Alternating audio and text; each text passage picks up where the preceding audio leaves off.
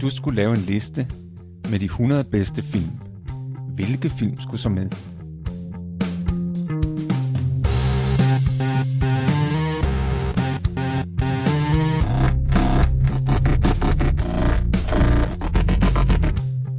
Hej, jeg hedder Morten. Og jeg hedder Thomas. Lyt med, når vi taler om vores liste med de 100 bedste film.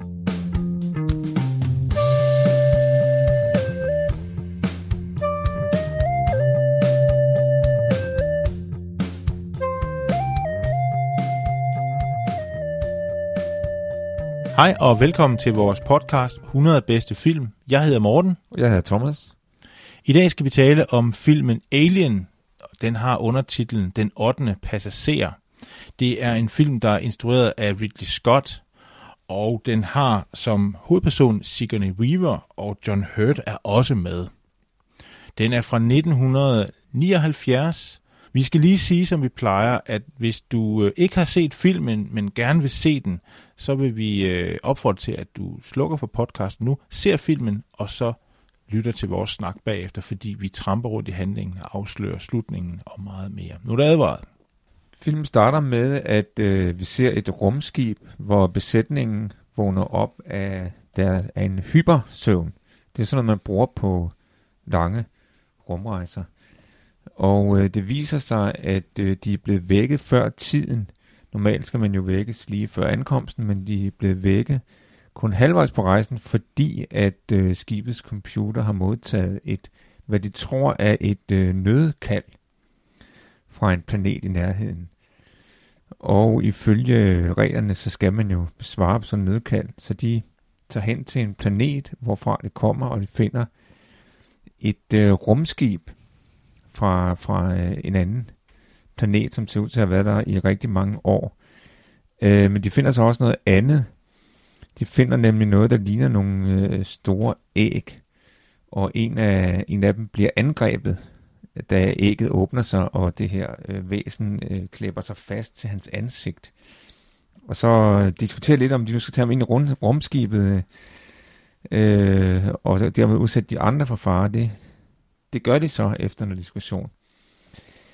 Øh, og det viser sig, at øh, det her mærkelige væsen har ligesom øh, indpodet noget i John Hurt, som, som spiller den her astronaut, som altså vokser i ham indenfra og øh, ender med at springe sig vej indenfra, så han springer sig ud, så, øh, så han dør.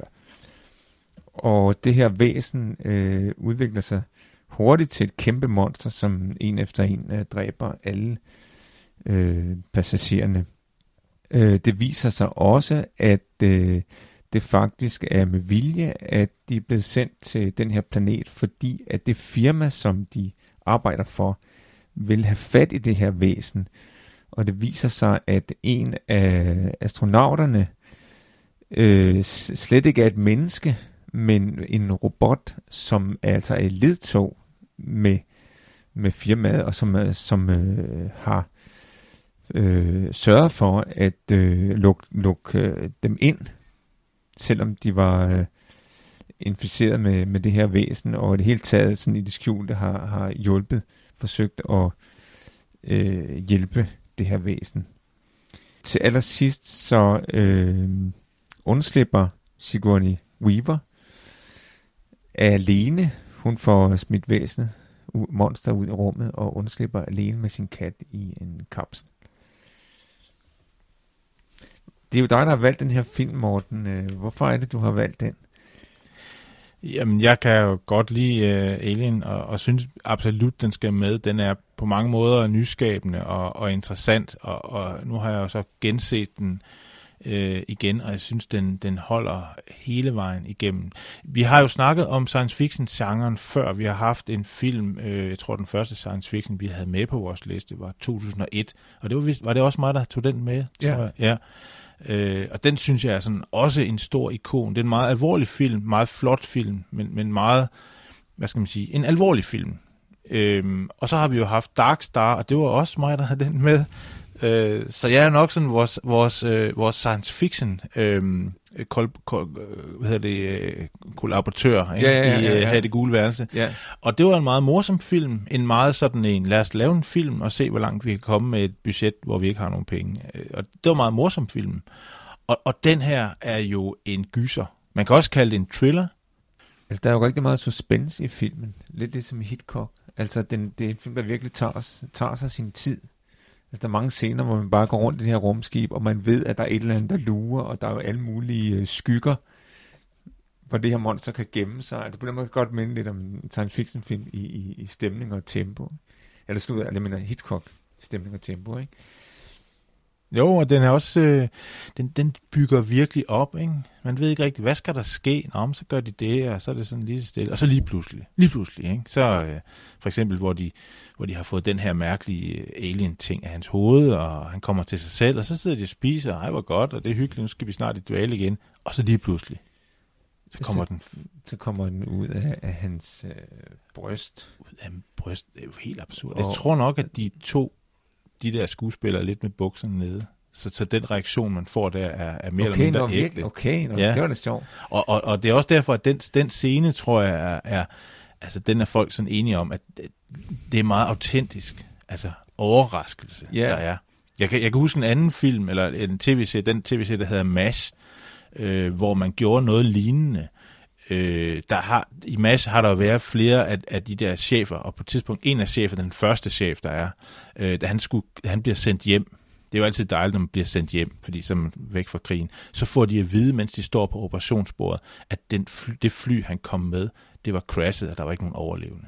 Og der, der står alle skuespillerne også fuldstændig... Øh, jamen, det er jo, det er jo så altså, tragisk, ikke? Men det, det er sådan en meget autentisk scene. Og det er det også, den her alien, hvor, hvor de finder ud af, at den kommer ud af maven. Ja, den kommer ud af maven eller brystet på ham, og, og, og øh, altså det, det er jo lidt ligesom en øh, pervers form for fødsel, der finder sted, og den minder også lidt om sådan en baby, har cirka samme størrelse som en baby, og er selvfølgelig fuld af blod, fordi den lige er kommet ud af ham.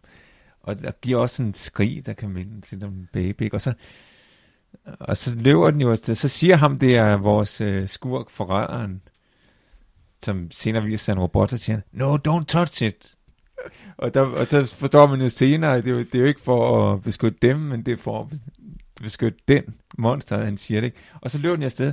Altså, og øh, altså på en måde er det jo totalt det er jo, øh, urealistisk væsen, det her. Altså sådan rent biologisk, ikke? Fordi det, der sker, det er, at den, den starter jo med at have størrelse som omtrent som en menneskebaby, ikke?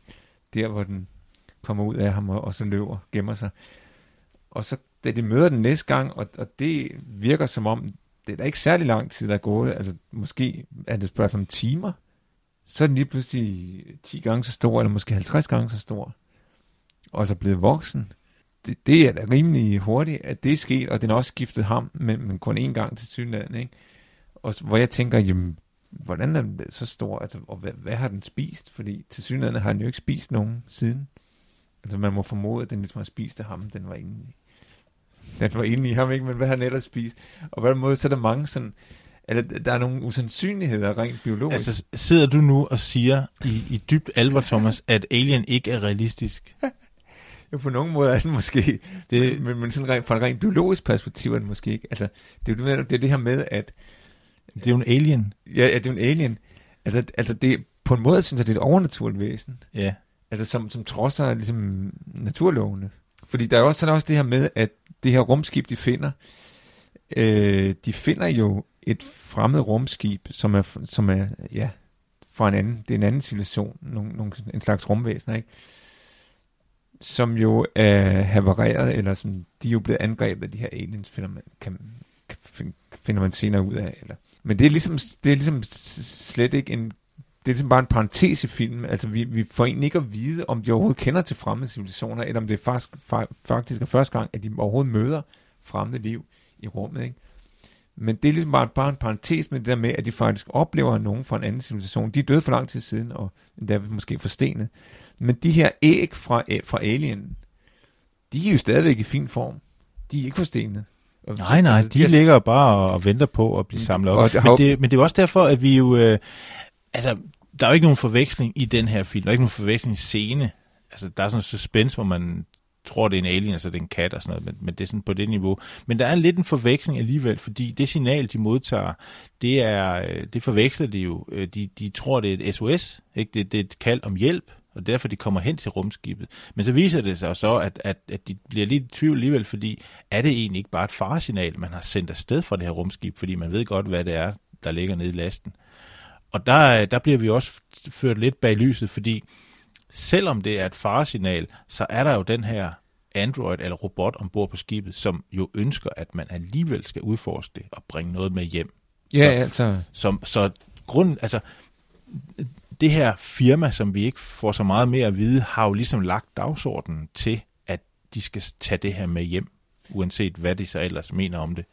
Ja, altså der, der er mere end en skurke i filmen. Altså der, der er måske tre skurke i virkeligheden, for udover selve monsteret, så er der også den her android, som, som de kalder en robot, men dem, som ligner et menneske, og som de først undervejs, altså til sidst finder ud af, at det var faktisk en robot, øh, som, er, som er jo en forræder. Altså fordi han, øh, altså en nøglescene i filmen, det er jo den her scene, hvor øh, Sigourney Weaver, hun går ind, og de har jo en computer, de kalder Mother, skibets computer, øh, hvor hun så går ind og, og selv spørger computeren, og det lykkes hende at få adgang til sådan en hemmelig besked, som det eller kun er ham, videnskabsofficeren Ash, som er robotten. Det er kun ham, der har læst den. Og hvor der står, jamen I skal øh, finde det her, den her livsform og bringe den tilbage til jorden. Øh, og det har første prioritet. Og øh, så står der til sidst, crew expendable, altså besætningen kan offres. Jamen, det er, jo, det er jo også øh, spændende, det her med de her skurke, du nævner, Thomas, at, at der er tre skurke, fordi vi har jo haft en film, øh, dengang, dengang vi snakker om Jaws, som jo også havde tre skurke, eller vi, vi snakkede om tre skurke, da vi snakker om Jaws. Og der er jo nogen, der har kaldt den her for Jaws in Space, at, at, at der er lidt det samme tema med et uhyre, som man skal bekæmpe, før man kan komme igennem. Og der, med Jaws talte vi også om, at der var tre skurke, og, og du nævner selve øh, uhyret, altså The alien som en skurk, og vi snakkede om, at, at hajen, uhyret, også var skurken. Og der snakker vi om, jamen kan et uhyre, altså en haj, som er rent biologisk maskine, kan den være en skurk? Og på samme måde kan man sige, kan den her alien, som er sådan en kampmaskine, der hele tiden omstiller sig og, og overlever og er meget aggressiv, kan den egentlig være en skurk? Er den ikke givet til at, at være den, den er? Og så er der forræderen, og der havde vi jo ikke en rigtig, vi havde ikke en forræder på, ombord på, på Orca. Altså vi havde ham her, den gamle øh, hajfanger der, som jo havde sin egen dagsorden, som var sådan lidt en, en kaptajn Ahab, der ligesom havde sin egen personlige mission om at, at, at tilindegøre den her hej, hvor han smadrer radioen og siger, nu er der ingen øh, bånd tilbage, jeg skal nok smadre den selv. Og der har vi så en, en forræder med Ash, som er en robot, som ligesom har sin egen dagsorden. Ja, altså han er jo en rigtig forræder, og, øh, og han, øh, han siger jo, da det så, øh, da Sigourney Weaver har, har afsløret den her hemmelige besked, som, som tidligere kun han har kendt, ikke? altså prøver han jo at slå hende ihjel, og øh, de får så øh, slået ham ned, og hovedet ryger af i en lidt øh, komisk scene. vi er jo kun i, i 79. ja, ja, ja. Og, og hvor han så, øh, så får det lige en sidste snak, med forræderen her, øh, robotten, og som, hvor det viser sig, at han har en, for, en slags beundring for det her væsen. Og hvor han siger, jamen den er jo ren, I admire its purity. Og så siger han noget med, jamen den er jo ikke hæmmet af, altså dels så det, den er så stærk rent fysisk, men også det, at den er ikke hæmmet af moral og samvittighed, ligesom, ligesom mennesker er. Ikke? Og, og der, der, der tænker jeg, det, det er jo en, egentlig en lidt mærkelig replik, fordi Øh, jamen, ja, altså set i forhold til mennesker kan man sige, at den er dejlig fri for moral og samvittighed, men, men det samme kan man jo sige om mange dyr, altså rovdyr, eller, eller snylder. Altså i, egentlig er det jo, det er jo snarere en parasit, end det er et rovdyr. Hvor en rovdyr dræber sit bytte og spiser det. Det gør den ikke. Den er en slags, slags parasite, parasit, der indpoder sit, sin, sin æg eller sit afkom i en levende vært. Den spiser kun levende kød, ikke? Øh, men, men så det der, han siger der med, at han beundrer den for ikke at have moral som vidtighed, der tænker jeg, ja, jamen, det kunne du også sige en krokodille, ikke? Altså, den har ikke noget problem med at æde nogle mennesker. Så det er lidt spøjs, det der med, og, og, men, men det hænger måske sammen med, at, at monsteret måske er symbol på noget andet, altså. Det kan også være, at han mener, at det er måske lige så kynisk som maskine, som han, han er jo selv en maskine, jamen, ikke? jamen, han kunne også sige det om sig selv i virkeligheden, Ja, ja. for han virker heller ikke som om, han er, han er særligt belastet af samvittighed eller moral. Han er jo også programmeret til at, at have den her mission, Ja. øh, og har jo ikke nogen skrubler. Han, det, er jo, det er jo, jeg synes, han spiller fantastisk. Det er en fantastisk øh, Android. Han, øh, han giver den sin egen sådan Android-maskine personlighed. Ja, for han, har- ja, han har en form for personlighed. Ja. Og, og, og der minder det også lidt om det tema, vi havde i rumrejsen af 2001 med kunstig intelligens, hvor øh, computeren, lige maskinen, præcis, lige vender sig mod mennesket og, og tager magten. Ikke? Altså, øh, ikke helt på samme måde, fordi i to, og rumrejsen af 2001, der er, det jo, der er det jo en fejlfunktion, kan man sige. Computeren begynder at handle på egen hånd og gøre noget, den ikke er programmeret til. Ham her, øh, robotten Ash, han gør jo trods alt stadigvæk det, han er blevet bedt om. Fordi han øh, adlyder jo bare den tredje skurk i filmen, som er firmaet, som har sendt dem, og som jo øh, er villig til at ofre de her astronauter for at få fat i det her væsen. Hvad grunden så kan være til det, det kan, det kan være profit, eller det kan være, ja, det er selvfølgelig profit. Det kan være, at de tror, at de kan bruge det her væsen som våben, eller et eller andet. Men de er i hvert fald villige til at ofre besætningen. Og det er jo en, en, øh, en pendant til, til bystyret der i, i Jaws, som er villig til at ofre turisterne for, for profit, Ja. ikke? eller sætte deres liv på spil for at holde stranden åben, så turisterne kan handle i butikkerne. Og, og, og- og derfor har vi jo, øh, jeg synes det er meget, man kan godt forsvare, at man, vi ligesom har tre skurke, og vi kan sammenligne den på den måde med, med Jaws.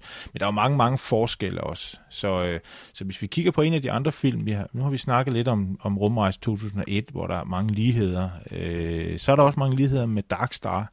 Og manuskriptet til den her øh, Alien er jo skrevet af Dan O'Bannon, som, som var med til at lave Dark Star, som vi også snakkede om. Og Dark Star blev en, øh, en komisk science fiction film, hvor de har et, et, rum, et, et rum uhyre, en nogle aliens, som bor blandt den her badebold, som vi grinede af, og som, som Dark Star er, er øh, altså jeg synes Dark Star er en meget flot film, meget øh, filosofisk, stærk film, også meget morsom, og, og har virkelig fået på puklen på grund af det her uhyre. Men det var simpelthen, fordi de ikke havde penge til at lave et ordentligt uhyre, der kunne være uhyggeligt måske. Så blev det sådan meget komisk, og det valgte de så. Så det blev en meget sjov film også. Men, men Dan O'Brien havde hele tiden haft en drøm om at lave en, øh, en meget en uhyggelig film, der skulle foregå i, i, i rummet i et rumskib, hvor der var en lille besætning og så et uhyre. Og, eller en alien, eller, eller et eller andet, som var ombord på uhyret. Det var sådan grundtanken, og det, det, det synes jeg, han forfølger meget godt til Alien, og har, har en, øh, en rigtig stærk allieret med, med ham her, kunstneren Geiger, som, som laver setup'et, som jo er altså mindblowing på mange måder. Man er jo inde i, et, i, et, i, et, i en eller anden organisme, når man går rundt i de der gange, og selve uhyret er også øh, helt unik og, og, og er ikonisk i, i sådan i uhyre-genren, synes jeg. Så det, øh, det, det, er virkelig, det er virkelig stærkt. Og, og igen, Ridley Scott har jo formår jo at se igennem den her øh, splatterfilms, øh, B-films, øh, de, de tendenser, der er i tiden, men tager den her opgave meget alvorlig, og får dermed i, i, i, i min bog skabt en, en rigtig stærk film. Det er en science fiction film, der tager sig selv alvorligt. Ja, Og det, det, er det, det. og det er faktisk ikke helt almindeligt på den her tid. Det har vi oplevet senere, men, men det er han en, en forgangsmand for, kan man faktisk sige. Ja, der er mange science fiction flop i, i Ja. tiden, ikke? hvor, hvor det, det, det sådan bliver... Ja, Så, så han er en af dem, der har øh, fået genren til at tage sig selv alvorligt. Ja. Og jeg synes, vi skal fejre det, for jeg har taget noget mad med. Jeg har lavet noget mad. Øh, jeg havde egentlig tænkt mig, altså, de spiser jo ikke rigtig noget i filmen. Ja, de, de spiser noget, men det er ikke noget, der sådan, vi ved faktisk ikke, hvad de spiser. De siger, at det ikke smager særlig godt. Men jeg synes, vi skal spise noget, som minder om det, vi ser i filmen. Så jeg tænkte, at vi skulle have østers. Har du smagt østers, Thomas? Øh, jeg har nok smagt det en gang. Det, er- det er længe siden. Øh, jeg har ikke købt østers, fordi de koster bare kassen. Og igen, vi kan ikke have en podcast, der på et tidspunkt måske skal være noget, lytterne betaler til, og så, og så smide om os med penge til Østers og champagne. Nej, nej, nej. Det, det har vi snakket om før. Det går ikke. Så jeg har i stedet for kogt nogle muslinger. Har du smagt muslinger? Ja, det har, det har jeg smagt en gang. Ja. Ja. Jeg har jo øh, kogt, de skal koges meget kort tid, og så skal de, eller de skal nærmest sådan dampes i rødvin. Det har jeg også forsøgt at gøre. Så det er meget lækkert. Problemet er bare, øh, jeg kogt de her muslinger, så øh, nogle af dem har åbnet sig, og nogle har ikke åbnet sig. Og jeg tror nok, at øh, enten er det Ja, de hvad- ene hvad er eller det, man den anden. Spise? Men- de åbne, eller der er nogle Det af dem, man ikke må at spise. ikke? Ja. Så spørgsmålet om, hvad har du lyst til at... Det er næsten ligesom det der æg i øh, Alien, som, hvor det, åb, det åbner sig på et tidspunkt. Ja, ja. Så, Ligner lidt noget fra Aliens, ikke? ja.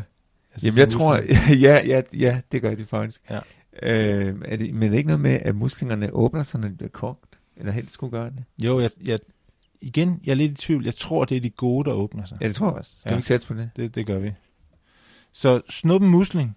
Det gør jeg. Og Så så prøver jeg- at lade være med at tænke på, hvor meget det ligner, at det der fra Alien. Jeg, øh, jeg vil så lige imens vil jeg lige fortælle, at øhm, skibet hedder jo Nostromo. Og det store skib, det er et kæmpe skib, i forhold til, at der kun er syv ombord. Det er et meget stort skib. Og, øhm, og så den lille redningsnødfartøj, øh, nødfartøj, som, øh, som øh, Ripley der, Sigourney Viva, hun øh, stikker af til sidst, den hedder Narcissus. Og de to navne er lidt interessante, fordi øh, Nostromo, det øh, refererer til øh, en roman af Josef Konrad. Og vi har jo snakket om øh, Josef Konrad før. Han har skrevet en, øh, en roman, der hedder Nostromo fra 1904, som handler om et skib, der hedder Nostromo. Øh, vi talte om Josef Conrad, da vi talte om Apocalypse Now, øh, som øh, jo er bygget over hans roman øh, Heart of Darkness, hvor det er sådan en rejse ind i, i Kongo, ind til et sted, hvor civilisationen ikke er sluppet ind. Mørkets hjerte har man derinde, og den, den er så lavet over Vietnam-temaet i uh, Apocalypse Now, og det er også en Josef Konrad. Og, og der har de altså taget det her navn Nostromo til at kalde skibet. Og så er det lidt sjov historie om, øhm, om den her Narcissus, for den er også taget efter en roman af Josef Konrad. Det er en roman, der første gang blev udgivet under titlen The Nigger of the Narcissus. Uha. Det er en øh, sp- speciel titel, Ja, ja, det vil nok ikke gå i dag. Altså, den er fra 1897. Den gik faktisk heller ikke i USA, da de ville udgive den umiddelbart efter der. Den blev så udgivet øh, under øh, titlen The Children of the Sea, Havets Børn. Og det var simpelthen forlæggeren, der sagde, han, han sagde, at der er ikke nogen, der vil købe en bog, hvor ordet nigger indgår i. Og så tænker man, nå, det var da dejligt, at han ligesom kan se, at, at et sådan nedværdende menneskesyn, øh, og, og, det skal man da ikke trykke. Men nej, det var ikke fordi, det var det. Hans problem med at få se bogen sælge med ordet nigger i, det var, at jamen, han kunne da ikke forstå, at der var nogen, der ville købe en bog, hvor der var en sort hovedperson i. Og det siger lidt om racismen, hvor dybt, hvor, hvor, hvor, hvor meget den simpelthen hænger fast, ikke? og hvor modbydelig den tid Ja, var. på det, ja, på det tidspunkt. Absolut. 1914 var det, ikke? Jo, altså den er, den er udgivet i, øh, ja, hvornår er den egentlig udgivet? Jeg står der her. 1917 udkom den så i USA. Altså, det er jo øh, skændigt. Ja. Men der er også en anden, øh, der er også noget andet interessant ved at kalde den her lille redningskapsel for Narcissus, fordi det er jo den her græske myte om, om øh, Narcissus, som Jo. jo spejler sig i- i bækken og forelsker sig i sig selv. Så det er sådan lidt en tvetydig titel på en rumkapsel, hvor Ja, man ja, ja. stikker af. Det er også et dystert navn at give rumskibet, Nostromo, ikke? Altså, Jo. tænker på, på samme I det hele taget er det jo en meget øh, øh, dyster film. Øh. Altså det, som jeg også synes er interessant, det er det, er det her med, at, at øh, altså en ting er, at man har et monster, men, men det, det er i sig selv uhyggeligt, men, men man kan også tænke over, altså hvad sådan et monster kan symbolisere. Altså jeg synes jo, det er sjovt det her med, at øh, altså man, man kan spørge, om ikke det virkelige monster, det, det er det firma, der har sendt dem.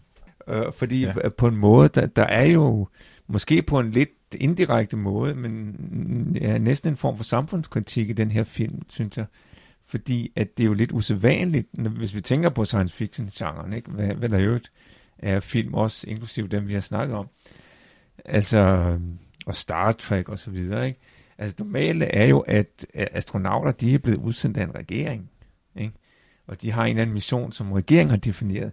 Men her der er det et privat firma, øh, der har sendt dem ud, og som jo altså er fuldstændig skrupelløst øh, og fuldstændig ligeglad med besætningen, betragter dem som nogen, der bare kan ofre sig.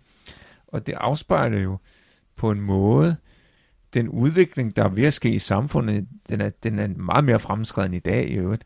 Men det her med, at jamen, det er slet ikke, øh, det er jo slet ikke demokratisk valgte regeringer, der har magten i vores samfund længere. Det er private erhvervsliv, de private firmaer, der mere og mere får magten, og som politikerne bare retter sig ind efter. Øh, og det er jo på, ja, man kan sige på en lidt indirekte måde, men, men alligevel er det på en måde øh, det tema, der, der også bliver slået an eller, øh, i film, eller som filmen, film kommenterer, kan man sige. Det er de multinationale selskaber, Præcis. der er, er den virkelige magtfaktor. Og sådan er det ofte i science fiction.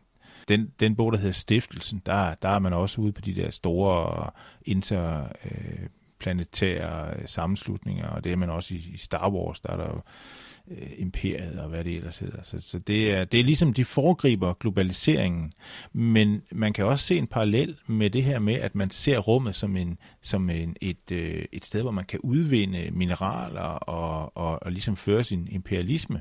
Så, så vi er også lidt tilbage øh, i, i, i den her film, vi snakker om, Aguirre, The Wrath of God, hvor man prøver at indtage øh, Eldorado, landet fuld af guld, og her har man sådan en kæmpe stor kostbar last, som man sikkert har udvundet et eller andet sted i rummet.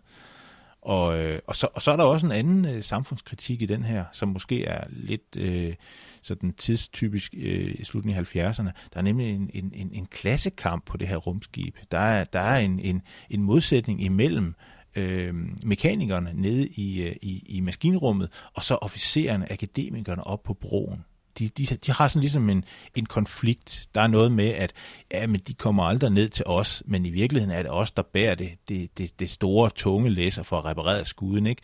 De tager sådan noget, uh, sådan styring. Ikke? Ja, ja, men altså, hvem har egentlig, øh, hvem får øh, beskidte fingre? Ikke? Og, og hvorfor skal vi egentlig rejse herhen? Hvad står der i vores kontrakt og sådan noget? Ikke? Altså, vi, øh, vi kan ikke sådan ligesom, øh, jeg er ikke hyret til at, at, at skulle udforske noget. Jeg arbejder på det her skib. Ikke? Og, sådan. og det, det synes jeg er meget spændende også, og, og, og så er der selvfølgelig også en, en, øh, en, en kønskamp. Der er sådan noget, der kører noget øh, mellem hende her, Ripley, og, og, og de andre mænd og sådan noget, og uh, kan hun nu finde ud af at styre det her, og skal hun bestemme, at hun er en kvinde, og de, de sådan overtrumfer hende nogle gange.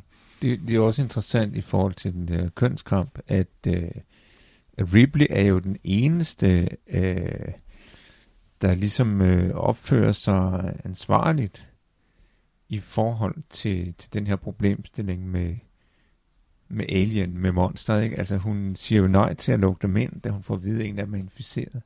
Og så er det jo kaptajnen, der overruler hende, eller prøver på at gøre det, siger, at det er en ordre.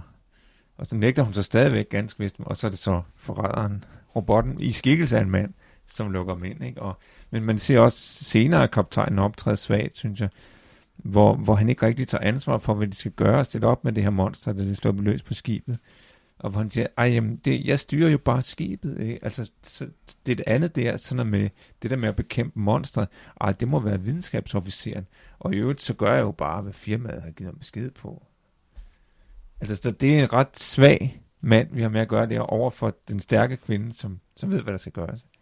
Har du jo tænkt på, om, om, om den her alien er, øh, en mand eller en kvinde? kvinde? Øh, altså nu har jeg set nogle af de senere film, ikke? Øh, og, og der er jo en dronning, som jo er en, en hund. Ikke? Øh, det betyder jo ikke nødvendigvis, at det her er en, en, en hankøn. Det, jeg tror faktisk ikke, man får det at vide. Men man plejer jo sådan en klassisk øh, horror-gyserfilm, der er det jo altid, øh, der er det jo altid øh, et mandligt uhyre, der ligesom øh, forgriber sig på den her øh, sagesløse frygt, øh, hvad hedder det, eller, eller bange kvinde, ikke? Uh, det kvinder, sådan en scene er der, sådan en er der faktisk i filmen, hvor, hvor øh, der er jo en kvinde på i besæt, blandt besætningen ud over Ripley, og hun er ikke helt så sej som Ripley. Og hun er jo så en af de sidste, der bliver stået ihjel, hvor hun er sammen med ham, den sorte mand på besætningen, ikke? som stokker ned fra maskinrummet. Ikke? Og hun fry, går, fryser fuldstændig, da hun ser det uføre. Hun står bare og skriger og sådan, ah, kan slet ikke gøre noget. Og så ham, den, den sorte mand, prøver at forsvare hende. Og så bliver han selv slået ihjel, ikke? Og, ja. og så hende bagefter selvfølgelig. Men hun spillede med i den, der hedder Invention. Uh, jo, den, hvad hedder det? Invention of the Body Snatcher, hedder den det? det ja, ja, det, det kan godt passe, ja, det kan godt passe, ja, ja. Øh, gyser, ikke? Og hun skulle faktisk have haft hovedrollen som, som, øh, som Ripley, men det fik hun så ikke alligevel, fordi... Ej, det var lidt trist. Jamen, jeg tror, Det at de... Øh, ja, fordi øh, Rip, eller hvad hedder det, Sigourney Weaver var et helt uskrevet blad her. Ja, ja. Øhm, og, og derfor tror jeg, at, at Ridley Scott ville have, at man skulle ikke kunne kende hende fra en anden fra en film. anden, og sådan fra en anden Ja. øh, science fiction øh, skråstrej gyser Ja. film. Men det er jo sjovt nok, du siger det der med, at hun, hun havde, havde haft lidt den samme rolle i en tidligere. Fordi det samme kan man jo sige om øh, John Hurt, som jo er den, den første, der blev angrebet af monsteret. Øh, han, han er en uheldig mand i mange film, John Hurt. Fordi jeg kommer lige til, til at tænke på, da han får det der øh, monster på ansigtet. Ikke? Det er temmelig ulækkert. I øvrigt. At det minder mig om en scene, jeg har set, hvor han er med i den film, der hedder 1984. Der går det også galt med hans ansigt, fordi øh, der, øh, da de skal sådan, torturere ham til sidst, øh, så sætter de sådan en bur med rotter på hans ansigt, øh, som tror med at æde sig gennem hans ansigt. Det kan han selvfølgelig ikke holde til. Og så han, øh, så han skriger, og så skriger han, no, no, no, do it to Julia. som er den kvinde, han er forelsket i, og som, det var præcis det, det ville være ham til selvfølgelig, ikke? Han, men, fordi det er det der tema. Men altså, han er en uheldig mand, og det er tit hans ansigt, det går ud over. Det er den film, der hedder, det er jo 1984, ikke? Øh, som er lavet samme år, 1984, og som øh, instrueret af Michael Radford, med Richard Burton i hovedrollen, og selvfølgelig med John Hurt. Den har vi ikke med på vores liste. Det er ellers en god film, men den er ikke med på listen. Den har vi ikke med. Nej. Men vi har mange andre gode film med på vores liste, og vi synes, du skal se Alien, og vi synes, du skal se den, øh, fordi at i, i rummet er der jo ikke nogen, der kan høre dig skrige. Vi skal til at slutte. Jeg hedder Morten. Jeg hedder Thomas. Vi er jo tilbage igen i næste uge, hvor vi skal tale om endnu en film fra 1979. Det er filmen Life of Brian, som er en Monty Python-film, instrueret af Terry Jones. Vi ses.